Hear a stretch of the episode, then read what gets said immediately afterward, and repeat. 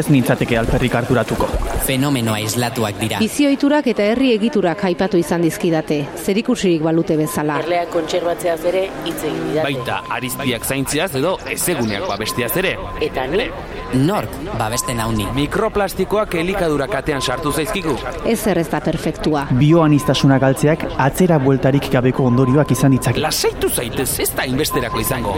energia erabilerari eta garraioari loturiko isuriak izugarriak dira. Ez du nik erabaki horrela izaterik. Aro geologiko bat markatzeko adinako eragina izan dugu. Evoluzioaren aztarna arro egoteko modukoa benetan. Baliabideen erauzketak arrakala sozialak handitu ditu. Zer diozu? Nik ez dut alakorik egin. Eragindako inpaktuak direla eta muturreko fenomenoak ugaritu dira. Nire inguruan ez dut hori sumatu. Euri azidoa bertan da. Bizitzak aurrera darrai. Bai? Ziur, Gelditu makinak. Gelditu makinak.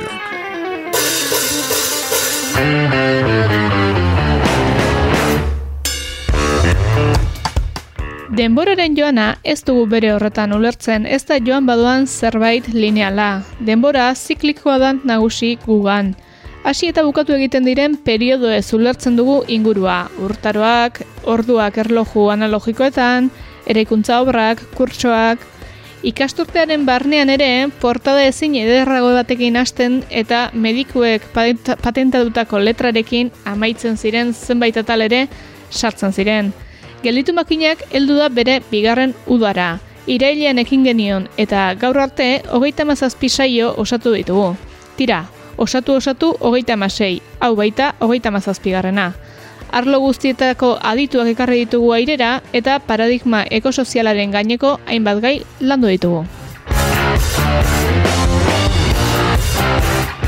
Hori dela eta, okurritu zaigu, bigarren ekinaldi honetan entzunak txukun-txukun irizpide garbirik gabe ordenatzea, sailkatzea eta jasotzea. Anaia, anaia arrebak hori ezinezkoa da. Zabaldu ditugu bigarren denboraldiko hogeita amasei atalak mai gainean eta bagoaz kolorinetan azpimarratzera.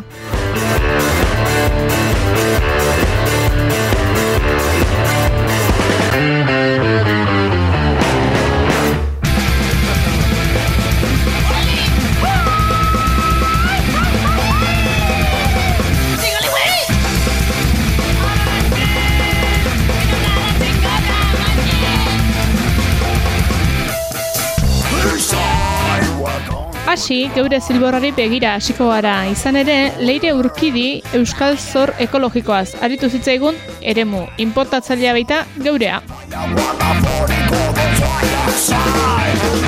e, tonelada bat erausteko, tonelada bat e, lortzeko, bai, zazpi mila tonelada e, lur eta aitz eta e, bestelako materialak e, mugitu behar egin dira.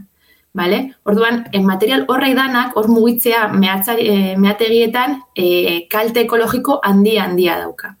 Orduan, guk material hori dana ere nolabait inkorporatu egiten dugu fluxu eskutuen bitartez, eta em, hori ere a, nolabait e, neurtzen dugu gure eskaera material oso horretan. Horregatik, ba, hori, gure, e, e, gure importazioak altua direlako eta gure importazio motaren gatik, ba, gure eskaera material oso altua da. Eta horrez gain, altua izateaz gain, ba, kanpo mentekotasuna ere e, e, altua da, ez? Erabiltzen ditugun e, material guzti horien, eskaera material guzti horien uneko laro sortzia, e, azterketa egin genuen garaian, importatuak dira. Vale? Kanpotik datoz. Orduan mentekotasuna oso altua da. Zergaitik, ba, bueno, men- mineralak eta ergai fosilak ja ez ditugulako erausten, eta horiek daukate nola gaiteko motxila hori fluxu eskutu horiek oso altua dira.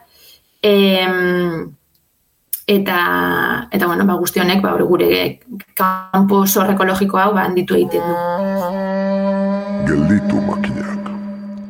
Geure buruari begira, hor non agertu zaigun Josu Larrinaga ekopoleko kidearekin egindako elkarrizketa. Gainontzekoen gainean jarriz eta abiadura izugarrian edatuz gainera. Ezin baita egungo egoera ulertu turismoari tartarik egin gabe. Alde batetik, eh, horregatik, eh, ba, sortzen duen lan gehiena prekarioa eta lan eskazak direla, ez da lanpostu eskazak eta unean unekoak, eta bar, eta bar. Baina beste sektore batzuk, zuk lehen esan duzu moduan, nola bait, e, ba, erori egin direnean, eta batez be, gure inguruan lehen sektorearen e, nola bait, e, bueno, hori, ba, e, berakada gertatu danean, ba, leku askotan nola bait, ba, saldu da, ba, turismoa izan daitekela alternatiba bat, ezta? Eta besterik ez dagoenean, ba, hori, batez be, ere ruraletan eta hori ez dugu lehen aipatu, baina nola bait berezi, merezi du aipamen berezia e, turismo rurala edo landa ere muetako turismo, eta batez be, espazio horietan e, lehenengo sektorearen e, jarduerak ba, minimizatu direnean, ba, nola bait, ere instituzioen aldetik eta asko inbertitu da eta asko bultzatu da e, turismoaren e, zera hori ez da. Baina ikusten dugu, ba, ba, horrek ere ematen duela, ematen duena, eta eta batez be hori prekarizazioa, eta baina bestalde batetik finantziarizazio handia eskatzen du horrek, ez da, adibidez, ba, baserriak eta konpontzen, eta, e, bueno, hor nola baite joko bikotxa bat egoten da, jendeak pensatzen du ere, bueno, konpontzen badut baserria eta gelak eskaintzen baditut, ba, behintzaten nire etxe bizitza oberatu dut, e, inoiz e, gorriak pasatzen baditut beti zaldezakete baserria, eta bueno, hor nola bait, e, asmo honen eta eta gerorako e, inbertsioen e, zera zabaltzen da, eta zentsu horretan, ba, ba alternativa edo nolabait eh, aurrera ies egiteko modu bat bai da turismo ez da, baina funtzean e, betikoa daukagu. Lantxungoak, e, unean unekoak, eta beti ere ba, ordutegi eskazekin eta soldata ere oso oso urriekin, baina nolabait hori ere bilakatzen da e, irten bidea sektore askorentzako, ez da? Eta gure kasuan ere azpimarratu behar da, nola baite, turismoa oso lotuta dagola, igual ez du munta berdina leku guztietan, baina gure kasuan turismoa eta ostalaritza oso oso oso lotuta daude eta ostalaritza ere bada sektore bat e, lanpostu txungo asko sortzen duen eta ruan bueno ba horre hori nolabait horiek e, berrelikatzen dira ezta gelditu makinak Izurri helduta badago gaira neurri neurrira datorren bat. Tira, egungo gaian gai asko txerta daitezke. Ez ditzala izeak eraman, saioa domingok farmako kutsaduraz esandakoa. Bai, egia esan, e, kutsatzaietan pentsatzen dugunean ez eskigu burura etortzen medikamentuak, ez? Beste adibide batzuk izan daitezke orain oso modan dauden mikroplastikoak edo berotegi efektua eragiten duten gasak eta horakoak, ez? Baina medikamentuek badauzkate hainbat ezaugarri e, bihurtzen dituztenak toksiko edo kutsatzaile naturan. Eta adibidez, e, dira ba, oso kontzentrazio basuetan eragiteko almena dautela, berez horretarako diseinatu direlako, eta baita ere, e, ba, gure hainbat egitura eta sistematan eragiten dute eta horiek, horietako asko bentzat, filogenetikoki kontxerratuta daudela esaten da. Horrek esan nahi duena da, ez dela bakarrik e, gizakietan edo pertsonetan agertzen, baizik eta beste animalia batzuetan ere bai, eta baita ere ba, beste, e, er, beste izaki bizidunetan ere, pentsa ba, landaretan edo algetan edo horrela ba, pentsa dezakegu, bueno, logika badauka medikamentuak elkartzen direnean beste izakiekin, ba, izaki horietan ere eragina izatea.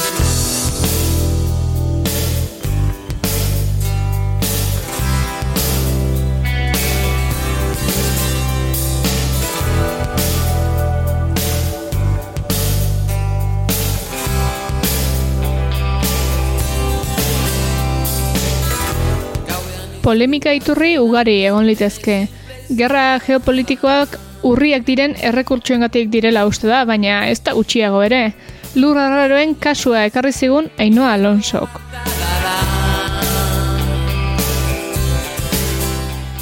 Lur arraroak eh, hor taula periodikoan, danok elementu kimikoak asaltzen dian taula periodiko horretan, beko hileran, azpikaldeko azken bigarrengo hileran asaltzen diran elementuak dira lantanotik luteziora dijoasten elementuak, hau da, zenbaki atomiko berrogeita mesazpitik, irurogeita amaikara dijoasten elementu talde bat da.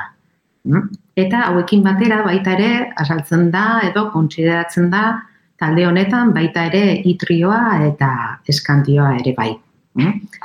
E, lurra raro hauek, ba, mabost elementu daude, eta daukaten berezitasuna da, ba, denak baterat asaltzen direla, hau da, lantanotik luteziora talde moduran asaltzen diela, eta e, daukaten beste berezitasun bat da, ba, elektroiak ba, F orbital batean antolatzen diela.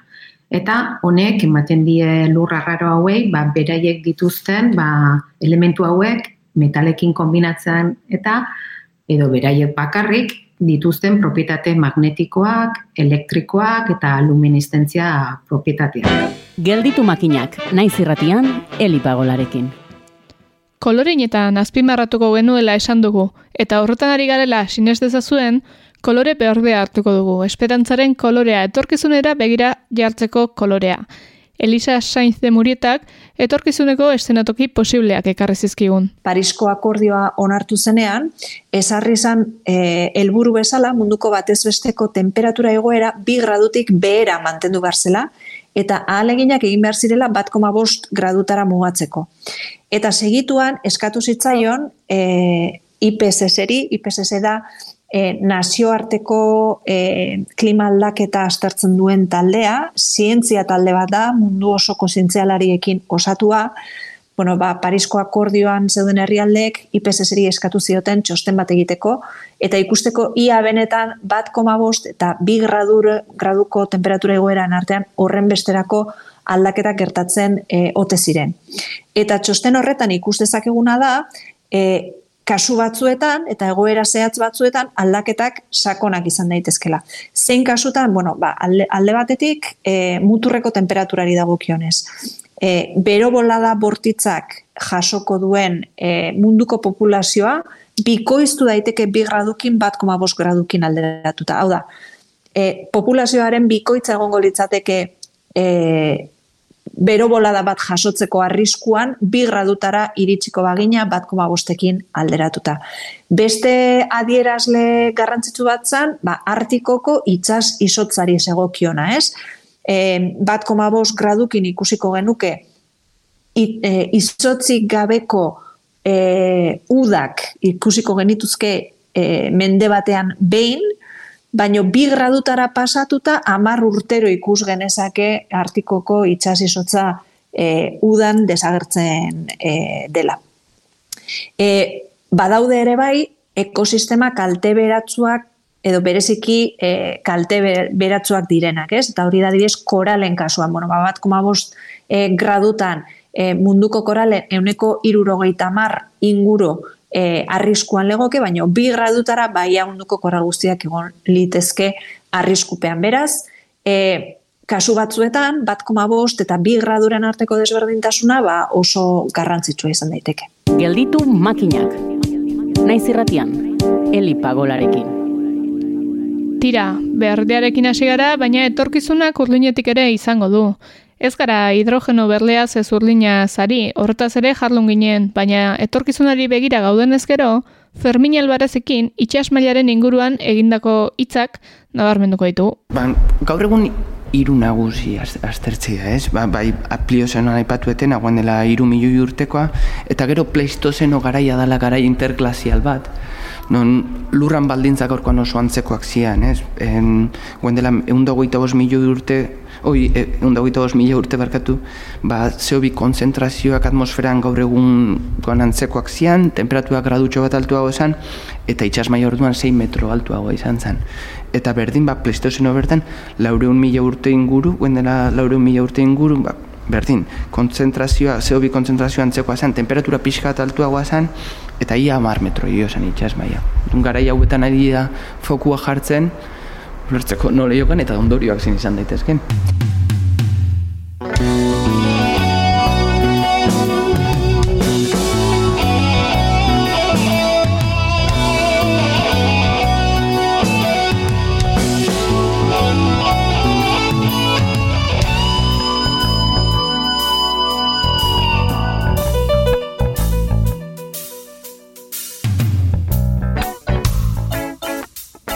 Berlez azpimarratzen ari garen hau egiazki berde izan dadin, badago zer aldatua beraz. Markel Peñalbak trantsizioaren premia mai gaineratu zuen. Bueno, trantsizioak azken baten nolabait aldaketa baten akusten dute, ez? Eta diferentziak egon dia historian zehar, transizio horiek gertatu dialako batzutan lokalki eta beste batzutan transversalki. Hau da, batzutan sektore batzuk bakarrik eraldatu dira eta hasiera baten erabiltzen zen iturri bat aldatu eta beste e, iturri bat pasatu da era bat, baina transizio batek daukan ezaugarren nagusia hain zuzen hori da. Garai bateko iturri hori alde batera utzi behar dela eta etorkizunean beste bat erabiltzen hasi. Zerk, nolabait, e, zerk eragiten du hori, bueno, izan diteke teknologia berrien beharrak.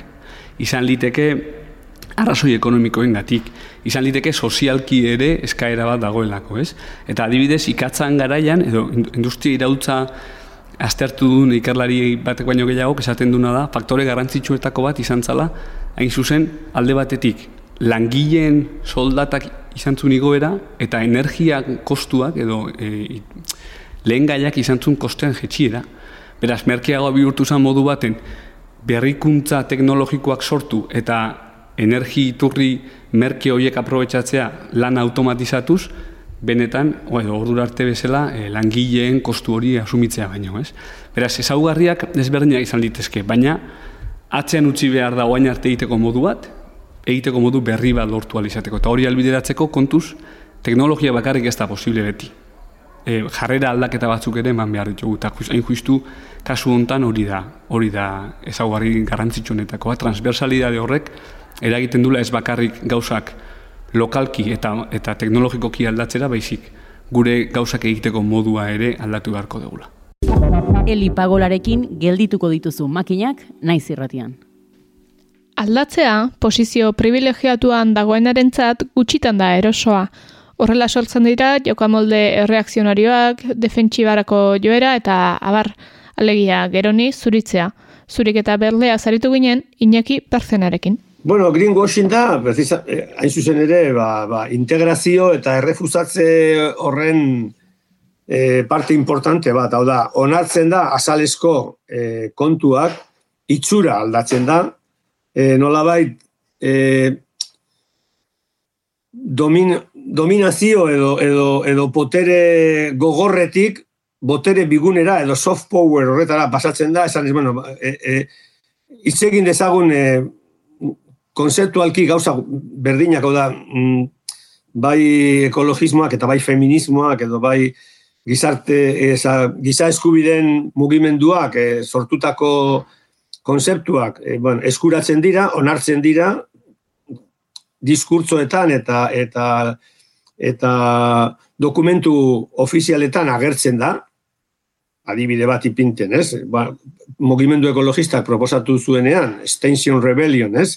Proposatzen duenean aldaketa klimatikoa hitz egitea baino e, hitz egin behar dela larrialdi klimatikoaz eta ez da arazorik. Hm? Bai, lehenengo, lehenengo gobernua izan zen Bretaña handikoa, hartu zuen, e, bueno, larrialdi klimatikoaren, e, bueno, e, lelo hori, eta gero munduan zehar, Europa batasun osoan, Australia, Zelanda Berria, Japonia, bueno, e, onartzen dira, onartzen dira, hori berdin gertatu zen garapen sustengarriarekin, ez?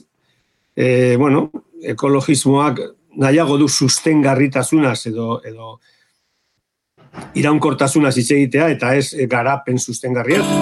Gelditu makinak, naiz irratian, Eli Pagolarekin. Zuriketa hau zabaldu bezala desegiteko erraminta ikaragarriak dira komunikabideak. Eluiar Fundazioko Aitzi Berragirre eta EHUko Izarogo Errostidik aztertu ziguten baliabide honen potentziala. Orain arte, zoritzarrez jarraitzen du pizka sentziazulealismoa, eto katastrofismoa, hor e, notizia bilakatzen bai, baina hor bai egin barko genukena da bestelako begirada bat botatzea, ezta?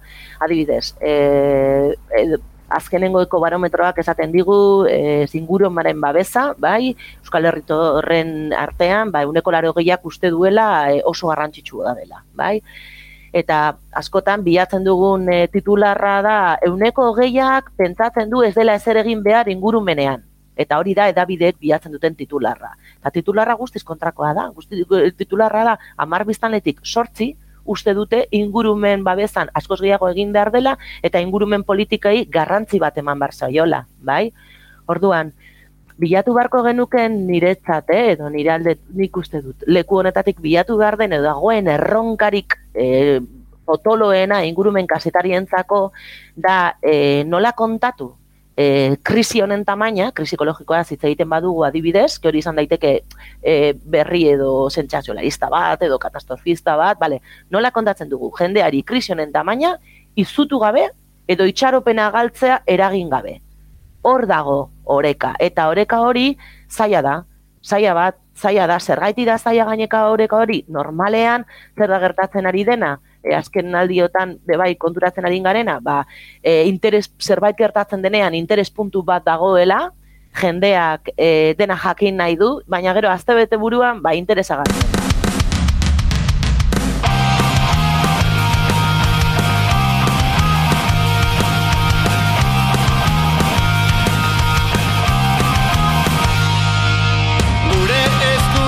Espazioari espazioa eskaini nahi izan genion. Izan ere, elementu baten diseinua eta kokapenak sekulako garrantzia du ondoren emango zaion erabileran. Eta bai, arkitekto batek esan zigun hori, baina ez, ez da arkitekturan soilik aplikatzeko modukoa. Ana almandoz izan zen gurean.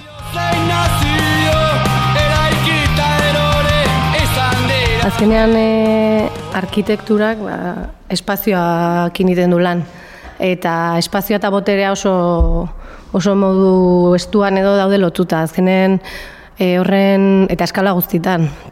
Igual e, ezagunena edo bueno, begibistako nahi izan deteke geopolitika, bea, baina eskala guztitan ikusten dugu, inkluso zu autobusean esertzen zeanean, da aldameneko tipoak hankazabalduta zure espazioen baditzen duen hortan, horrera ikusten da espazioa eta boterean arteko lotura, ez?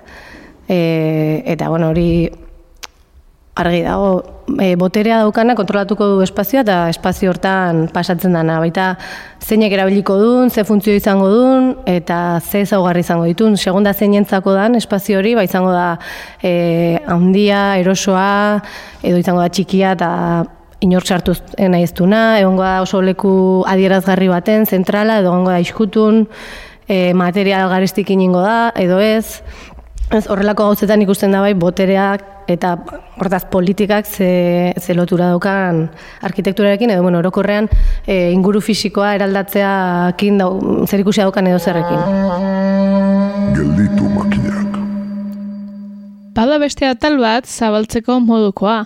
Bertako espezie bakarrak ez garen ez gero, haintzat hartzea merezi dute espezien biorpopulazioaz edorta unamuno urlaibai berzenterreko kidea izan genuen. E, gai nahiko korapilotsua da, ze, ze gaitik eta noiz eta ba, e, berreskuratu behar ditugu ez da, e, espeziak, ez da? Bueno, badari guk hemen altxor, biodibertsitatezko altxor itzela daukagula, bai Euskal Herrian, da, bueno, mundu maian zer izanik ez, ez da? Eta horre, ba, altxor guzti horren barruan, badaude hainbat eta hainbat espezie, ba, galzorian daudenak, beste batzuk, ba, beste modu batzutako arrisku suabiagoak edo leunagoa dituztena, eta beste batzuk, ba, gure ingurutik desagertu direnak. Ez desagertu agian mundu mailan, eh? baina bai ba, gure eskualdean, gure herrialdean, edo ez gure kontinentean. Eta orduan bai lantzen dira horrelako politika batzuk, aztertu egiten da e, espezie horien desagerpena zer gaitik izan den, edo, edo behera, be, populazioaren beherako joera hori zer gaiti den, eta egiten dira normalean plan batzuk. Plan batzuk eta euretariko batzuk izaten dira espezie hori berreskuratzea. Esan dut apurtxo bat, korapilatzu da dela, ze, klaro, e, espezie bat desagertzen denean, lehenengo ikusi beharko duguna da, noiz desagertu den, ez da, ze, espeziak, ba, gure munduaren historian, ba, bueno, ez egunero ez da, baina beti desagertzen diren gauze dira, desagertu eta sortu, ez da? Hor izan ditugu mamutak, izan ditugu baita ere bisonteak, eta dinosauruak ere, buski. Baina, azkenengo urteetan, gertatzen ari dana da, oso modu askarrean eta desagertzen ari direla, eta orduan, batez ere noski, gizakiaren eraginagaitik eta gure aktivitateek sortutako eraginagaitik ba hasten dira e, arazo guzti horiek eta orduan egiten dira planak eta batzutan ikusten da ager bideragarria den berriz ere e, espezie hori gure inguru horretan eukitzea. Ea gure inguru horrek jasaten duen berriz ere horrelako espezie bat gure artean izatea, ezta? Eta e, interesa izaten dena da, ba, bintzat biodibertsitate maila osasuntxu bat izatea inguruan, eta horreitik egiten dira normalean e, horrelako berreskuratze plana. Bai. Gelditu makinak. Antiespezismoak ezinbestean merezi du azpimarra, dietak eta aragi imitazioak mai gaineratu genituen eta honako irakurketa egin zigun Maialen Saues, nor talde antiespezistako kideak. Hmm. Bueno, animalien jak, ba, animali jarrotorriko elikagaiak eraldatzeko, bueno, sustituitzeko edo zaldatzeko e, saiakera honetan, e, ba, arpegi askotako gai komplejoa da, ez dakit nola esan. Osea, e, ez da erresa erantzun bat ematea, ez da bai ala ez, baizik eta ze, ze ondorio eukiditzazken gure gizartean, ez? Salde batetik, e, baragi sintetikoak ekartzen duena izango litzak ez, aurrera begira, e, animaliak ez esplotatzea, gagian, ez dakit posible den, baina horrelako ez eta momentu honetan hori ez da ematen, zazkenean aragi sintetikoa lortzeko bide horretan animaliekin esperimentatu behar da. Orduan, e, ari gera onartzen, ez? E, animaliak jan egin behar direla eta aragia behar degula eta hori da araza hondiena. E, errefortzu bat ematen diola argumentu horri eta aldaketa kultural bat oztopatzen duela, ez? Benetako eraldatzailea den erantzun bat oztopatzen duela. Ze benetan e, uneko unean e, elikadura vegetal bat euki dezakegu, honen bila aritzeak oztopatzen du aldaketa sakonago bat, ez? Gure jateko moduan, gure gizartean eta bestalde e, aragi sintetikoak produzitzen dituzten industriak, e, badira azkenean industria karnikoaren e, irten bidea, ez? Osea, ikusi dute, e, badagola ba, kontentzia sozial bat e, aldatzen ari dela, ez? E, aragia jateko ohitura hori, eta irten bide kapitalista honek eskaintzen duena da beraiek beste produktu bat ekoiztea, ze beraiei e, berdintzaie aragia egin edo ultraprozesatu vegetalak, ez? Orduan, e, iza, da gurbil berdinean jarraitza, ez? Beraiek e, boterea eukitzen jarraitzen dute, eta guk lortzen dugun bakarra da e, produktu bat edo merkantzia bat beste batengatik aldatzea. Orduan, ez dakin noraino, e, ez den hau ere e, ba jarraitzea kapitalismoaren azkunde eta teknologizazio prozesuan ez, e, aurrera jarraitzea. E, benetako aldaketa bat eta beste modura gauzak pentsatu ordez. Eta txikiago eta, eta ezain beste prozesaturen artean.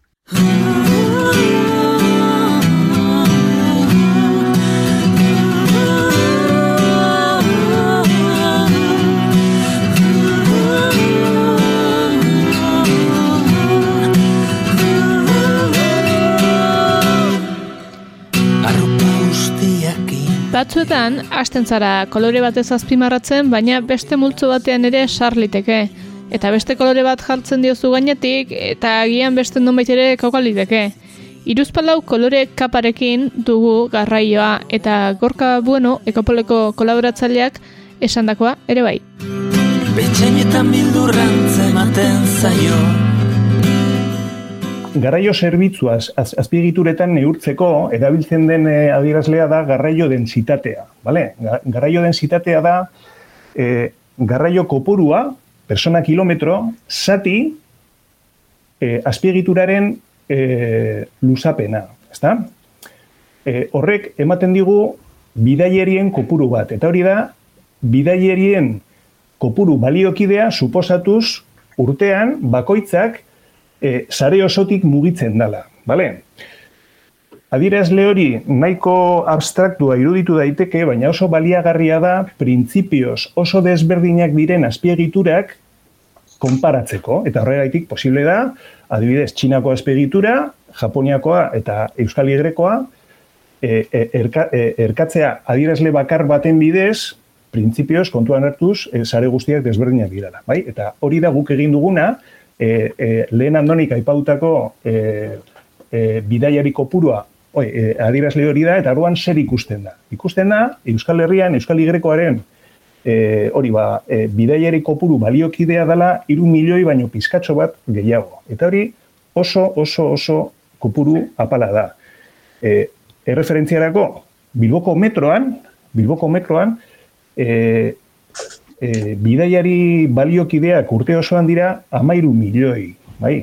Frantziako abiadurandiko sarean, e, kopuru hori da hogei milioi. Bai? Txinan, azken urte hauetan, e, nabarmen e, azten ari da kopurua, eta ja, iaia, hogeita mar milioira heltzen da. Japonian, batez bestekoa da berrogei milioi, baina Japonia oso, oso handia, bueno, ba, e, sarean hitz e, ditu, Japoniak eta horren barruan badaude sare batzuk eun milioira heltzen diran. Gelditu makinak, naiz irratian, elipagolarekin. Azpimarratzen hasi aurretik, bagenekien ez hitzaigula guzti zirensteko moduko diskursoa irtengo. Ondare kulturala, naturala, soziala, lan ederra, Josu Narbarte eta Eneko Delamo egiten ari direna. Hemen, Josu Narbarteren aipu bat. Mm, Gure helburua izan da azken urteetan e, Euskal Herrian badiren paisaia kultural e, desberdin hoiek, oso anitzak diren paisaia kultural hoiek, e, aztertzea, beren e, aniztasun horren ezaugarriak zeintzuk diren identifikatzea, ezta? E, bai alderdi e, fisikotik, bai bioniztasunen alderditik, eta baita ere alderdi kulturaletik, historiean zehar bilakatu diren harreman batzuen ondorio bezala duten eh, balio hori bal, ba, ba, ba aztertzea eta balioan jartzea, ezta? Eta eta hortarako ba zentratu gera paisaia mota desberdinetan. Aztertu ditugu laborantza paisaiak, aztertu ditugu mendi paisaiak, aztertu ditugu kostaldeko paisaiak eta ba nolabait egiten saiatu gara ba, ba, ba paisaia desberdinen e, biografia moduko bat, ezta? Ondarearen zentzua zabaltzea, objektu ohikoa den ondare objektutik ba pixkatzen zu zabalago batean, ba, gure ingurumenean txertatuta dauden harreman multzo bezala ulertza ondarea. Gelditu makinak. Naiz irratian, Eli Pagolarekin. Ondarea ez da zerbait egonkorra eta egoki kudeatu ezean, arriskutsu ere izan daiteke. Azpimarratuta gera bitez, Iker Relosegi Lauran Txaganbarako kideak larre erreketez esandakoa. Mendi erretzeak baditu milaka urte. Eh? e, Pirinotan gutienez eta beste leku hainitzetan ere bai. E, hori egina izan da, helburu jakin batzuekin eta zen, e, azkenian e, landari diaren evoluzione normal bat, hau da, belardi batetik oiantze ari buruzko bide hori gelitzea, gelitzea beti ere e, kabalendako, ganaduaren dako, belarra ukaiteko. E. Eta beraz, prozesu horren gelditzeko modu bat, eraginkorra merkea, ener, e, merkea nahi dut lan aldetikan, er, orain eurotan, metan denboran etzen erori noski, merkea su emaitea da, eh, eta horren inguruan e, badira lan asko eginak, publikazioniak eginak, galderak, jendarteak kezkak eta eta bar. Eh. Zer gertatzen da e, erretzen delarik e, landare bat, ba, dependintzen du, ze motako sua den, batek errantzautan duela ez aspaldi, e, su guztiak berdina dira, erretzen dute. Ba, bai eta ez, su batzuk kiskaltzen dute, erran nahi dut, errautsa besteik ez da gelditzen. Dena, temperaturak hain gora izanik eta hainbeste denboraz herririk eta landare bat ez da ez da gelditzen minerala baizik. Eta beste su batzuek ez dute kiskaltzen. Erretzen dute, beltzen dute, iduridu hilko dela landari hori eta ez da bat ere hiltzen, berriz abiatzen da. Hain beraz, Ara, lehen nion bezala gaia komplexua da, eta komplexu bezala behar da jorrature bai.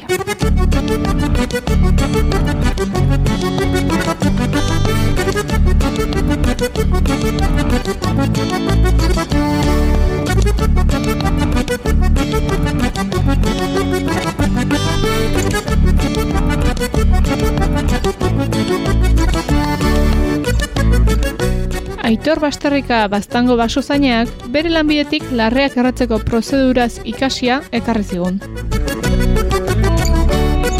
Arrazin importantia da, ba hoi, pixkat nekazaritzari ere mateko nolabaiteko ekilibrio bat bezala, bar urtero erretzea. Mantenimentu lan bat bezala, iruditzen zait niri. Nik esperientzia zertzen dute, azkenean, hogeita bat urte dire, ja, erreketak iten eta kusten da emaitza eta nik uste dut sua momentu enten beharrezkoa dela. Eh?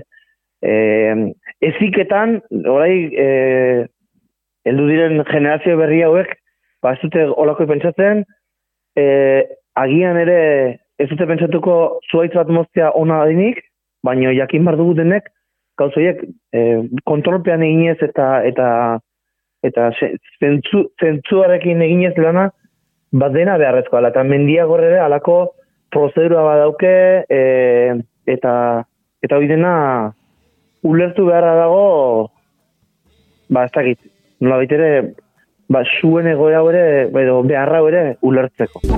Eli pagolarekin geldituko dituzu makinak naiz irratian.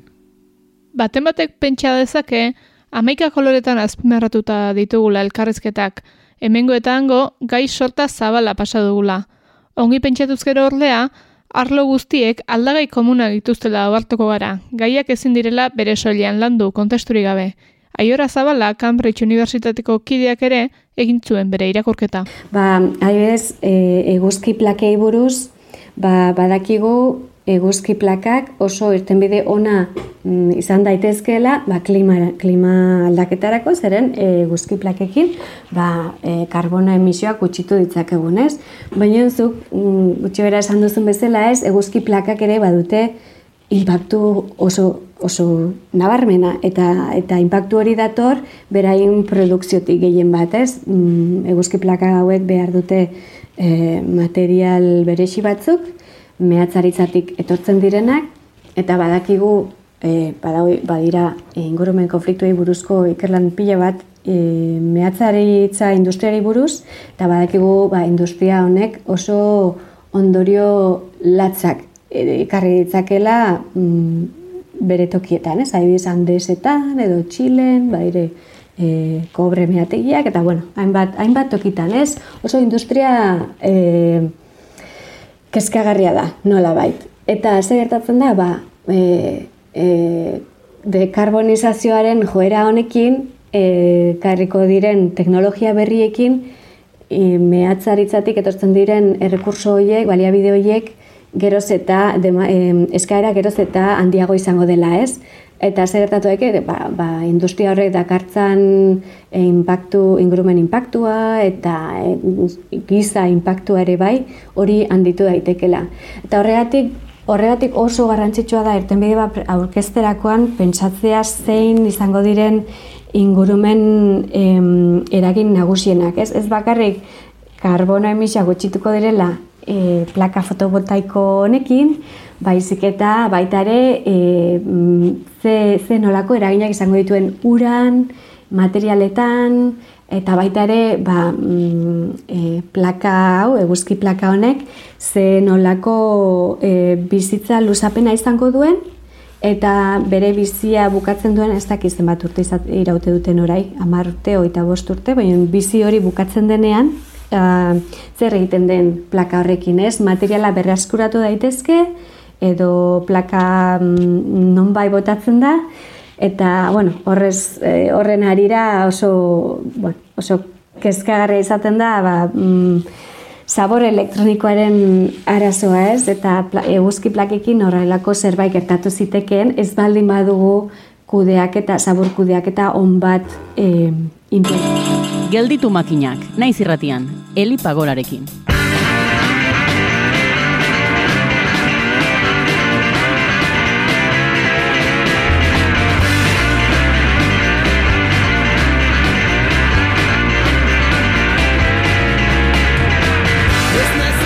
Kontuak kontu, ingurunearekin dugun harremanak eragin handia du gure kudeaketan. Mapa kognitiboa marrazteko etxeko lana jarri zigun Olaia Larruskain ingurumen psikologiako adituak.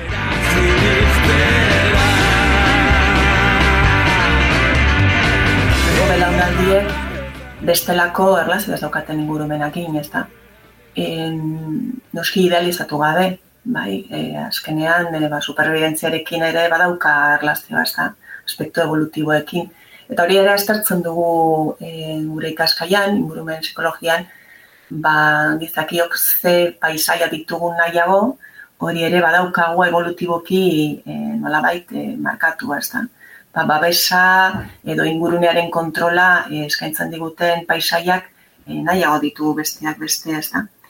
Eta, bai, e, aurreko belaunaldietako e, pertsonen eta komunitateen esperientziak astartzen baditugu, noski beraien erlazioen gurumenakin guztiz desberdina da.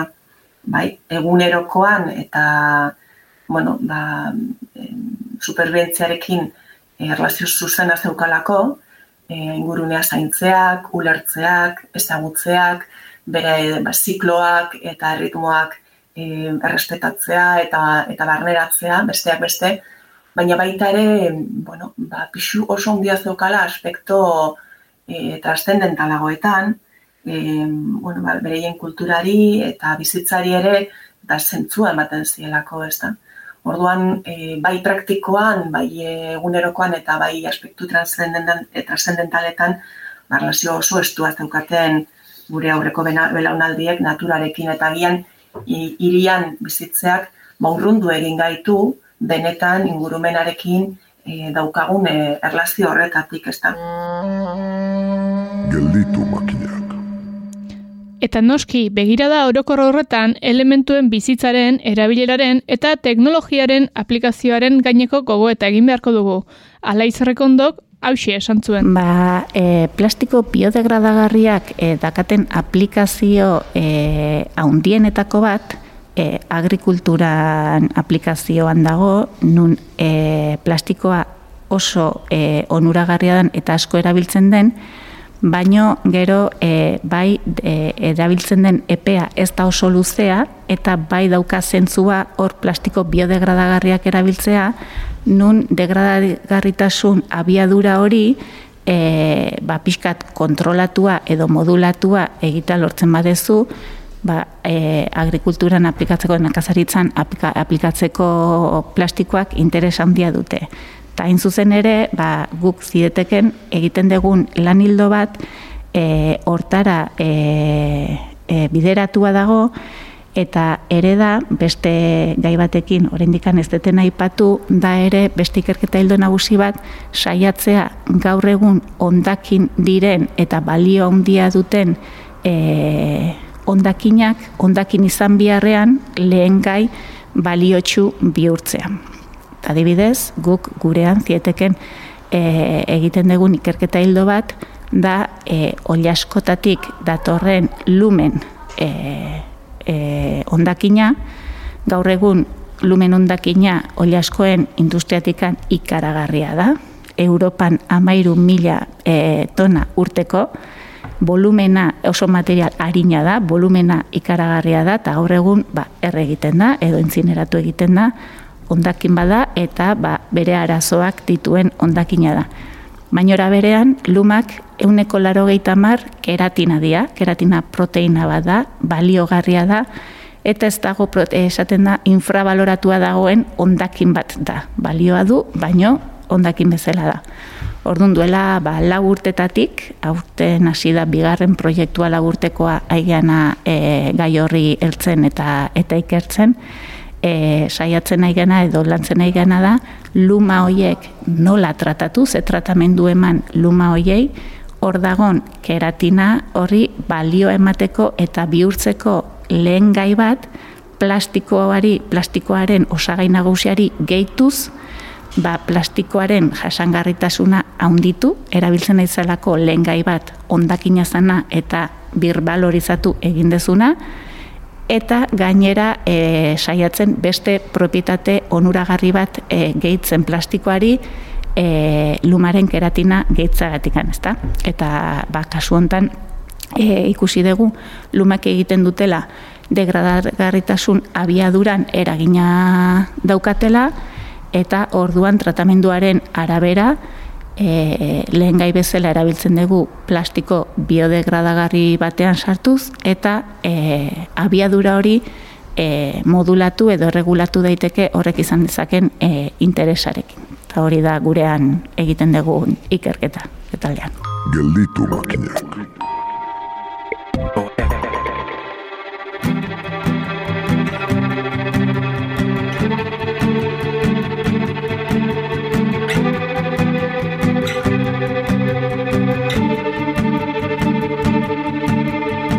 Zabaldu haua iruntzi dana. Berba gaiztorik esan ez dagizun Zarratuko dizut bizia. Zarratuko dizut bizia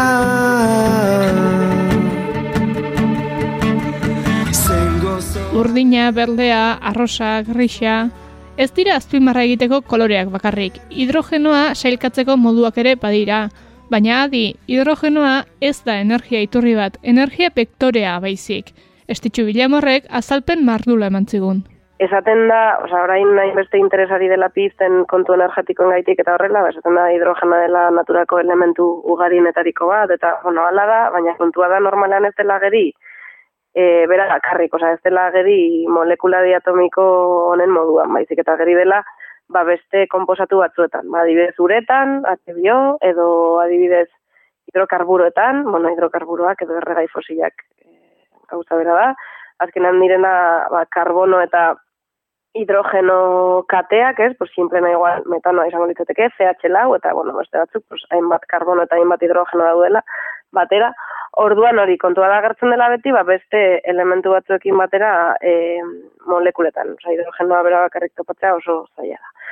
Horregaitik, e, hidrogenoa bakantzeko, ba, energia bastante behar da. Gero hori bera ere, oza, hidrogenoa bera ere kontu energetikotarako erabiliko dugun arren, ba, nik uste importantea dela, e, argite, hidrogenoa ez dela energia iturri bat, baizik eta energia vektore bat. Ez, adibidez, energia iturri bat, ba, bai izango litzatekela petroleoa, ba, zuzenean e, erauzen duguna eta energia ematen diguna, edo jo guzkiaren argia, ba, plaka fotovoltaikoen bidez, e, bai, e, elektrizitate bihurtzen duguna, horiek dira energia iturriak. Energia vektorea, adibidez, izango litzateke elektrizitatea energia vektore bat da, da energia garraiatzeko modu bat. Osea, elektrizitatea ez da bere horretan iturri bat, baizik eta erregai fosilak errez e, zentral termoikoetan nahi ez, pues, elektrizitatea lortzen dugu, edo nuklearren bitartez elektrizitatea lortzen dugu, edo guzkiaren argiaren bitartez elektrizitatea lortzen dugu, orduan dira,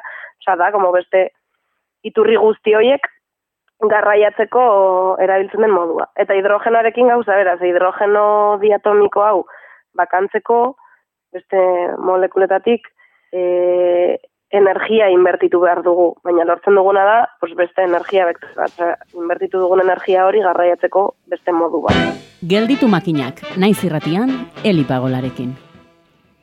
Trantsizio energetiko eta ekologikoaren bidean antolakuntza bat garatu beharko delakoan, hemen Jokin Bergarari hartutako hitzak. Bueno, nik uste nabarmena dela e, garaiko ez da baidek ez eta garaian dagoen taupada sozial eta politikoak e, eragina duela, ez? E, ba, guk ba, ni aztertzen ari nahi zen esperientzian, eta orokorren esango nuke gizartearen begiradan, ez? E, bueno, nabarmena da, bueno, arzteko kooperatibismoaren kasuan, e, bada modernitatearen alaba zuzen bat, ez da? Eta azkenean saiatu zirena egiten e, arizmendiarrietaren pentsamenduan eta zen e, lana eta kapitalaren arteko gatazkari nola baiteko konponbidea eman e, mundu kapitalista batean, ez? E, Karo, garaiko marko kontzeptualean e, ez zuten ez egoen kezka ekologikoa edo muga biofizikoekin talkan egiten ari zireneko e, ba hori, kezka hori, ez? E, gainera, e, hori, esan duzu gai sozial eta ekologikoen arteko lotura, ez? Ez dut uste bakarrik denik, e, ba, ez dakit, Euskal Herriko enpresek eduki duten e, jarrera bat, bezik eta munduko eskerrak ere, ez? E, gai ekologiko eri ze garrantzia eman dion, ba, ba nabarmena da horregon direla, e, ba, bueno, e, gaizki ulertze batzuk edo, edo esaiola behar besteko garrantzirik eman, ez? Aurregoan irakurtzen nuen eh, testu bat, e, irurogeta margarren e, amarkadan, ba hori, erromako klubeko txosten eta atera zenean, irurogeta amabian uste dut, okerrezuan nago, e, ba, bueno, garaiko sindikatuek eta oso mesfidati hartu zutela e, ba, informazio hori, eta, bueno, mugimendu ekologista berria ere bai, ez? Esaten zutelako, ba, bueno, ba, zela hori burgesiaren eh, operazio bat ba, langile mugimendua ultzeko eta garaian agian langile mugimenduak zeukan eh, indar sozial eta politikoa nola baite eh, arrakalatzeko, ez? Eta orduan, ba, bueno, e, bidea gai sozial eta ekologikoen artean ez da izan beti e, ba, ez dakite, alfombra gorria jarritako bide bat, ez? Ze, karo, hemen e, emantzipazioa eto langile klasearen e, askapena beti ulertu izan da materialki gehiagora joaterekin, ez? Ba, bueno, e, gehiago handituko dugu produkzioa, e, lan gehiago egongo da, eta ondorioz gehiago berbanatu halko dugu e, aberastasuna, ez da? Ba, karo, gaur planteatzen den disjuntiba da, eta gai ekologikoak daukaten notizia txarra da, gutxiagora joan da, ez? E, egin behar dela banak, banaketa hori, eta bueno, horre, ba, tentsioak ekarriko dituela horrek e, nabarmena da. Gelditu makinak. Naiz irratian, Eli Pagolarekin. Beraz, zer geratzen da? Ba, aliantza, ikerketa lan eta militantzia arloak elkartzea bada alternatibarako bide. Andere Ormazabal parte hartu zaldeko kidea etorri zitzaigun.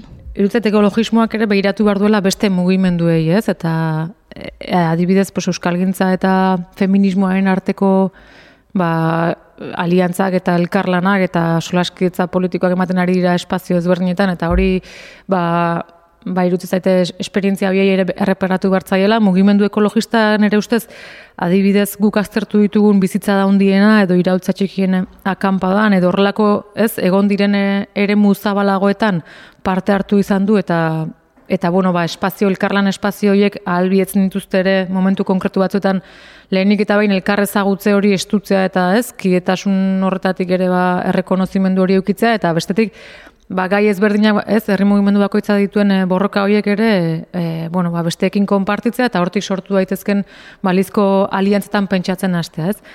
Irutze zaite, e, bueno, apur bate egia da, ez, e, eta guk ikertu nahi izan dugu feminismoa eta ekologismoaren arteko lankidetza hori, eta gauza txikietan, eta ekimen txikietan, agiez, pues, kultur e, e, jai batzordetan eta e, ez, e, antolatzen diren hainbat kontuetan badagoela neurri handi batean e, aitortza bat eta kontuan hartzen direla, baino behar bada, bueno, ba, beste urrobatx handiago bat eman barko litzatekela. Eta igual, e, interesgarria da bizitza da handiena ekimenean adibidez, bilatu zutena izan zen, jakindan borroka ezberdinak e, ez, e, parte hartuko zuten eremu bat zala, hor saiatu zian, bueno, ba, turismoaren gaia aterpe zabalago bat topatzen ere, zeinetan ba, guztiak apur bat ere erosoago sentituko ziren, eta hor, bueno, ba, askotan gertatzen den borroken jerarkizazio hortatik alden du eta eta elkar, elkarlan hori sustatzeko ba, baldintza batzuk ere sortu egin behar dira askotan, ez? Osa, ez? Pentsatzen dugu bueno, ba, ba guztiok lan egiten dugu gure lan ere muan, eta besteai entzuteko, bestearekin jarduteko zailtasuna ditugu, eta ba, horrelako ekimenak nik ustut egiten dutenak azken finean da sortu baldintza egokiak ba, ba, mugimendu ezberdinen arteko elkarlana sustatzeko gelditu makinak.